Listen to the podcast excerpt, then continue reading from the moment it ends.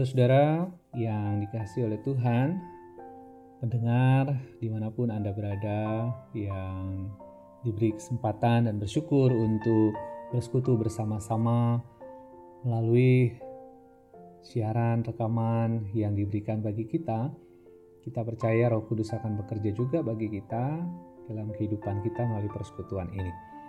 Sebelum kita membaca dan merenungkan firman Tuhan, mari kita sama-sama berdoa. Tuhan terima kasih untuk berkat Tuhan bagi kami. Kami percaya bahwa Roh Kudus mampu bekerja untuk mengajar mengingatkan kami di dalam kehidupan kami. Dan biarlah kami semua juga memahami kebenaran firman Tuhan melalui persekutuan ini dan kami dapat melakukannya dalam hidup kami sehari-hari. Di dalam nama Tuhan Yesus kami berdoa. Amin. Ya saudara, kita akan memperhatikan Lukas 19. Lukas 19 ayat 1 sampai 10 itu tentang Sakeus. Mungkin kita sudah cukup sering mendengar cerita ini.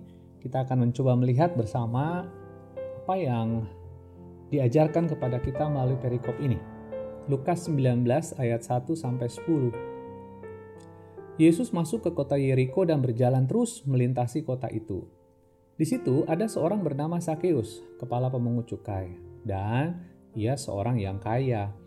Ia berusaha untuk melihat orang apakah Yesus itu, tetapi ia tidak berhasil karena orang banyak, sebab badannya pendek. Maka berlarilah ia mendahului orang banyak, lalu memanjat pohon ara untuk melihat Yesus yang akan lewat di situ. Ketika Yesus sampai ke tempat itu, ia melihat ke atas dan berkata, Sakeus, segeralah turun, sebab hari ini aku harus menumpang di rumahmu. Lalu Sakeus segera turun dan menerima Yesus dengan sukacita. Tetapi semua orang yang melihat hal itu bersungut-sungut, katanya, ia menumpang di rumah orang berdosa. Tetapi Sakeus berdiri dan berkata kepada Tuhan, Tuhan, setengah dari milikku akan kuberikan kepada orang miskin, dan sekiranya ada sesuatu yang kuperas dari seseorang, akan kukembalikan empat kali lipat. Kata Yesus kepadanya, "Hari ini telah terjadi keselamatan kepada rumah ini, karena orang ini pun anak Abraham. Sebab Anak Manusia datang untuk mencari dan menyelamatkan yang hilang." Demikian firman Tuhan diberikan kepada kita. Nah, saudara, di dalam kehidupan kita hari demi hari kita sadar atau tidak sadar sering kali mengidentikan dosa dengan orangnya itu satu paket karena uh, dosa itu dilakukan oleh orangnya. Siapa suruh berdosa? Kita mungkin tidak peduli itu hubungannya apa dan bagaimana. Pokoknya kamu yang lakukan. Ya, kamu yang nanggung akibatnya. Maka kalau uh, di gereja mungkin kita tahu kedatangan seseorang ini dulu kita tahu ini penjahat dan atau mungkin dia melakukan kejahatan yang luar biasa sepertinya kok banyak anggota jemaat akan merasa entah risih, entah heran, kok bisa berani datang ke gereja karena orang di gereja ini semuanya orang-orang yang kudus, yang suci begitu. Padahal kalau mau jujur siapa yang tidak berdosa di antara kita? Eh, tetapi ada beberapa yang mungkin mengatakan bahwa Wah, saya tidak tidak korupsi, saya tidak menipu, saya tidak membunuh. Tetapi ada satu ayat yang menunjukkan begini, Saudara, dalam Matius 23 ayat 23. Celakalah kamu, hai ahli-ahli Taurat dan orang-orang Farisi, hai kamu orang-orang munafik, sebab sepersepuluhan dari selasih ada semanis dan jintan kamu bayar, tetapi yang terpenting dalam hukum Taurat kamu abaikan, yaitu keadilan dan belas kasihan dan kesetiaan. Yang satu harus dilakukan dan yang lain jangan diabaikan. Nah, kita merasa tidak melakukan ini, tetapi melakukan yang itu. Eh, bohong sedikit tidak apa-apa lah, tidak menghormati orang tua yang menjengkelkan nggak apa-apa lah. Yang penting kan tidak membunuh. Tapi ini tidak bisa. Semua nilainya sama. Tidak ada perintah yang satu lebih tinggi nilainya daripada yang lain. Semua nilainya sama. Yang satu tidak dilakukan, sama saja semua tidak dilakukan. Jadi firman Tuhan mengajarkan kepada kita jangan pernah merasa lebih baik atau lebih suci daripada orang lain. Di dalam pembacaan kita hari ini tentang Sakeus, kita belajar tentang satu sikap yang benar yang mungkin kita bisa jumpai dalam kehidupan sehari-hari. E, pemungut cukai adalah orang Yahudi yang bekerja pada pemerintah Roma. Oleh karena itu mereka dianggap sebagai pengkhianat oleh orang-orang sebangsanya. Bukan cuma pengkhianat, tetapi juga pemeras bangsa sendiri karena mengambil pajak yang luar biasa. Jadi pada waktu itu pemungut cukai atau cukai pajak yang dikenakan kepada masyarakat itu ditenderkan, dilelang. Siapa bisa membayar lebih mahal, nah itu akan menang. Dan tentu saja eh, para pemungut cukai ini karena sudah bayar mahal dia harus dapat keuntungan. Jadi dia menaikkan lagi pajak yang uh, sudah ditetapkan untuk keuntungan dirinya sendiri. Itu sebabnya pemungut cukai sering kali dimusuhi oleh masyarakat. Tetapi masyarakat tidak bisa lakukan apa pun karena mereka dilindungi oleh tentara Roma. Nah, Sakeus adalah salah satu dari mereka.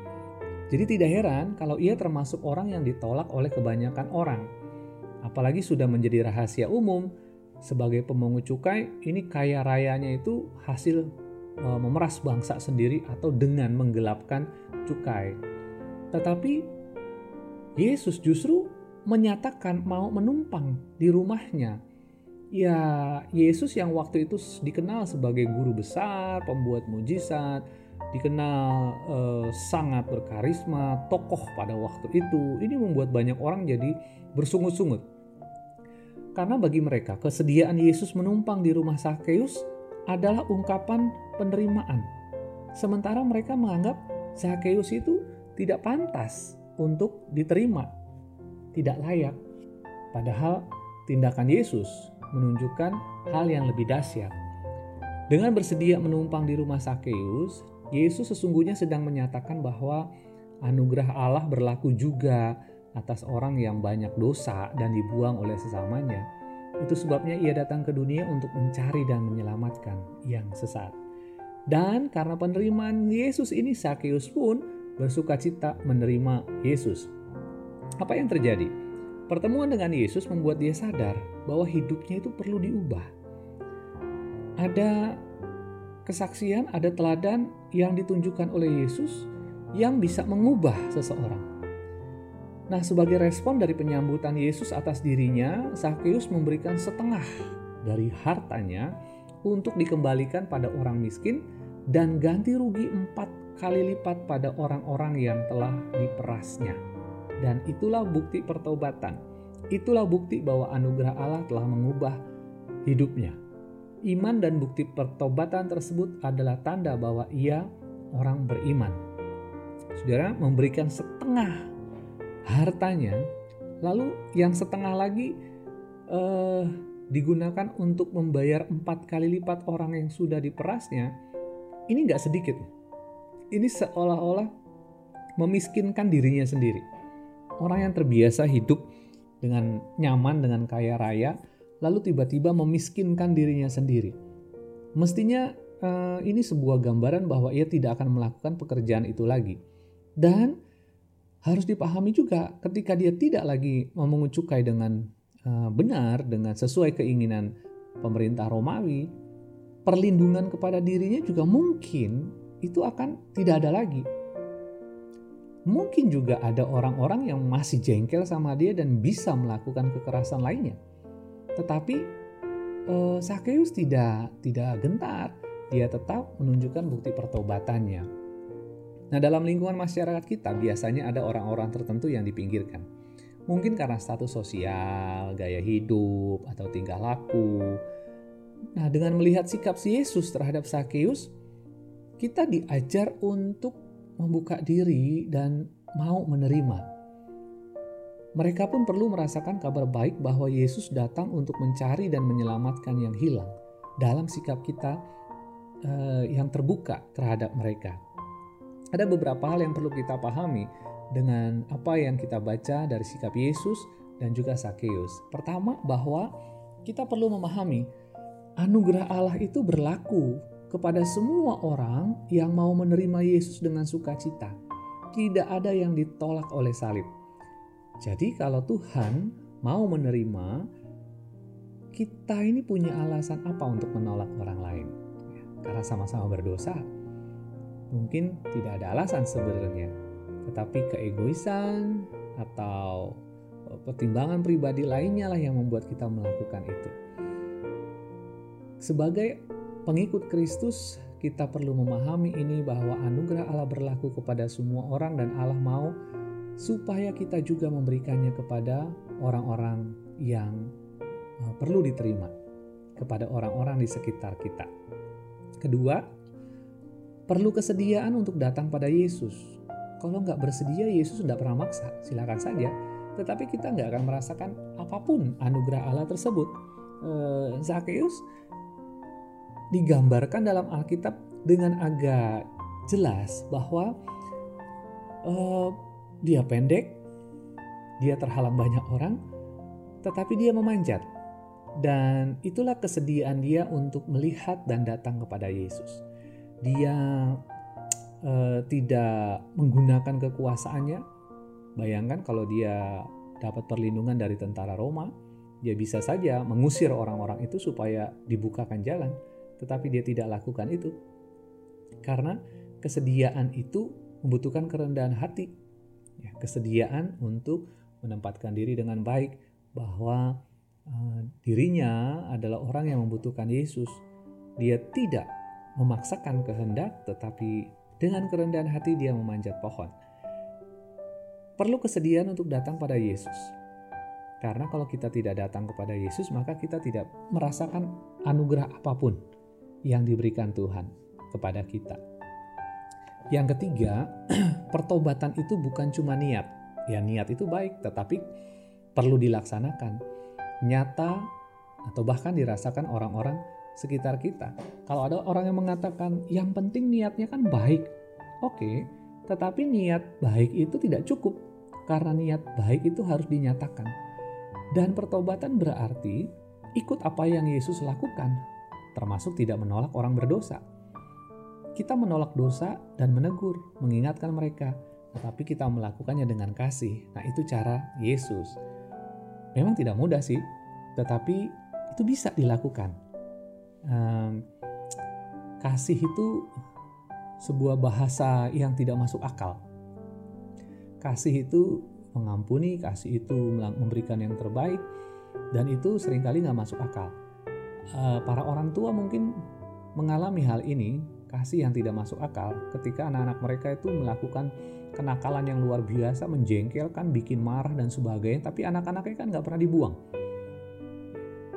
pasti diampuni dimaafkan bikin jengkel lagi tetap aja di, dimaafkan kenapa karena kasih jadi orang tua yang mengasihi anaknya dia bersedia mengampuni walaupun dibuat marah sekalipun jengkel Eh, kenakalan yang luar biasa. Bisa diterima tuh, kenapa? Karena kasih itu memang tidak masuk akal. Kita bisa mengasihi, kita bisa mengampuni. Dan ini tidak mudah, namun bisa kita lakukan. Itu juga yang Yesus ajarkan, bahwa kita melakukannya dengan kasih. Yang keempat, tantangan bagi orang yang melakukan kebaikan itu selalu ada. Ada aja orang yang gak senang dengan kebaikan, dan itu bisa banyak hal alasannya. Namun Ibu Teresa pernah bilang begini, tetaplah berbuat baik walau hidup tidak menyenangkan. Wah, kok bisa ya? Karena sekali lagi cuma kasih yang menunjukkan bahwa Kristus ada di dalam kita. Cuma kasih yang bisa membuat hidup itu menjadi damai sejahtera. Dan kalau eh, tindakan kebaikan itu ada yang menentang, maka itu sudah dinubuatkan oleh Yesus sejak lama bahwa ada orang-orang yang tidak senang dengan kita, bahkan ada yang membawa ke pengadilan, ada orang yang uh, tidak setuju dengan apa yang kita kerjakan. Namun itulah yang diajarkan Yesus bahwa kita perlu tetap mengerjakannya. Nah, dalam kehidupan sebagai orang-orang Kristen, yang paling penting untuk diingat dan dipahami oleh kita adalah bagaimana kasih itu ditunjukkan dalam kehidupan sehari-hari.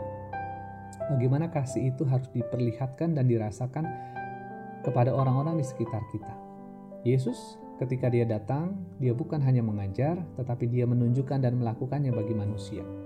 Memang ini tidak selalu mudah ya, sebab kalau kita membaca, orang bersungut-sungut ini juga orang banyak nih, dan sepertinya eh, ada provokatornya juga. Namun ketika Yesus mengatakan, hari ini telah terjadi keselamatan kepada rumah ini, karena orang ini pun anak Abraham. Sebab anak manusia datang untuk mencari dan menyelamatkan yang hilang. Siapa yang hilang ini? Bukan hanya orang yang murtad, bukan hanya orang yang meninggalkan Yesus. Yang hilang ini adalah mereka yang kehilangan hati nurani, kehilangan kasih, mereka yang tidak bisa lagi menunjukkan kebaikan. Kepada mereka lah Yesus datang. Anak manusia datang untuk mencari dan menyelamatkan yang hilang. E, di satu sisi, semoga bukan kita yang termasuk yang hilang ini, karena uh, kita perlu mengevaluasi iman kita, kehidupan kita kepada Yesus. Di sisi lain, semoga kita juga menjadi alat Tuhan untuk mencari dan menyelamatkan yang hilang. Sakeus hanyalah sebuah contoh di mana Yesus menunjukkan kepada kita ada yang hilang dan kembali. Apakah kita juga bersedia untuk diutus mencari yang hilang ini? dengan menunjukkan tindakan kasih dan penerimaan, dengan mengampuni dan mengasihi, sama seperti yang Yesus lakukan. Kalau Yesus sudah ada di surga sekarang, itu tidak berarti tugas-tugasnya selesai dan tidak dilakukan lagi. Yesus mengutus kita semua untuk mengerjakan tugas ini. Sebab anak manusia datang untuk mencari dan menyelamatkan yang hilang. Eh, mungkin kita tidak perlu pergi ke seluruh dunia untuk melakukannya, namun kita bisa mengerjakannya di dalam kehidupan kita masing-masing. Kehidupan kita akan menjadi teladan yang baik kalau kita mampu menunjukkan dan mendasarkannya di dalam kasih. Mencari dan menyelamatkan yang hilang itu kata kerja yang perlu dilakukan dengan aktif. Maka tidak cukup hanya doa, tidak cukup hanya uh, sekedar mengingatkan, tetapi kita semua diharapkan untuk ikut terlibat di dalamnya. Sehingga apa yang dialami oleh Sakeus ini juga menjadi tanggung jawab kita bersama. Namun perlu kita ingat bahwa tidak semua akan berespon seperti Sakeus ya. Tidak semua orang yang kita tegur itu kemudian langsung bertobat seperti Sakeus. Mungkin ada penolakan, mungkin juga ada perlawanan, mungkin juga ada kebencian dan kemarahan ketika melakukannya. Namun yang diinginkan oleh Yesus adalah lakukan saja tugas kita dan tanggung jawab kita untuk mencari dan menyelamatkan yang hilang. Kita suka tuh dengan bahasa menyelamatkan jiwa berapapun harganya. Tapi kita lupa berapapun harganya itu itu menyangkut kehidupan kita. Dan itu yang diinginkan oleh Tuhan. Bagaimana kita menyelamatkan jiwa itu berapapun harganya dan menyangkut segala hal yang kita punya, melibatkan hal-hal di sekitar kita. Maka kita perlu mempersiapkan diri. Ya, kita bukan Yesus, tetapi kita percaya bahwa Yesus akan menolong kita. Semoga kita adalah orang-orang yang dipakai oleh Tuhan untuk mencari, bukan orang-orang yang dicari dan diselamatkan. Kita adalah gambaran Yesus dan pengikutnya yang bertemu dengan Sakeus, bukan orang-orang yang ternyata adalah orang yang hilang. Kita perlu membangun kehidupan yang lebih baik supaya kita membangun hubungan yang dekat dengan Tuhan dan kita terus diperbarui hari demi hari. Kita semua punya tugas, maka biarlah kita dapat melakukan tanggung jawab kita dengan baik dan kita mempertanggungjawabkannya kepada Yesus Kristus. Mari kita berdoa. Tuhan, terima kasih Hari ini kami bersyukur karena diingatkan kembali tentang tanggung jawab kami menjadi alat Tuhan yang mencari dan menyelamatkan. Kami mau mempersiapkan diri, menunjukkan bahwa anugerah Tuhan itu ada bagi semua orang. Tolong dan mampukan kami untuk mengerti dan memahami tanggung jawab yang diberikan kepada kami bahwa kami semua adalah utusan-utusan Tuhan. Tolong kami dan mampukan kami, ya Allah. Kami berdoa dan menyerahkan kehidupan kami di mana pun kami berada, agar kami terus bertumbuh di dalam kasih dan dapat membagikannya di dalam kehidupan kami sehari-hari. Dalam nama Tuhan Yesus kami berdoa. Amin.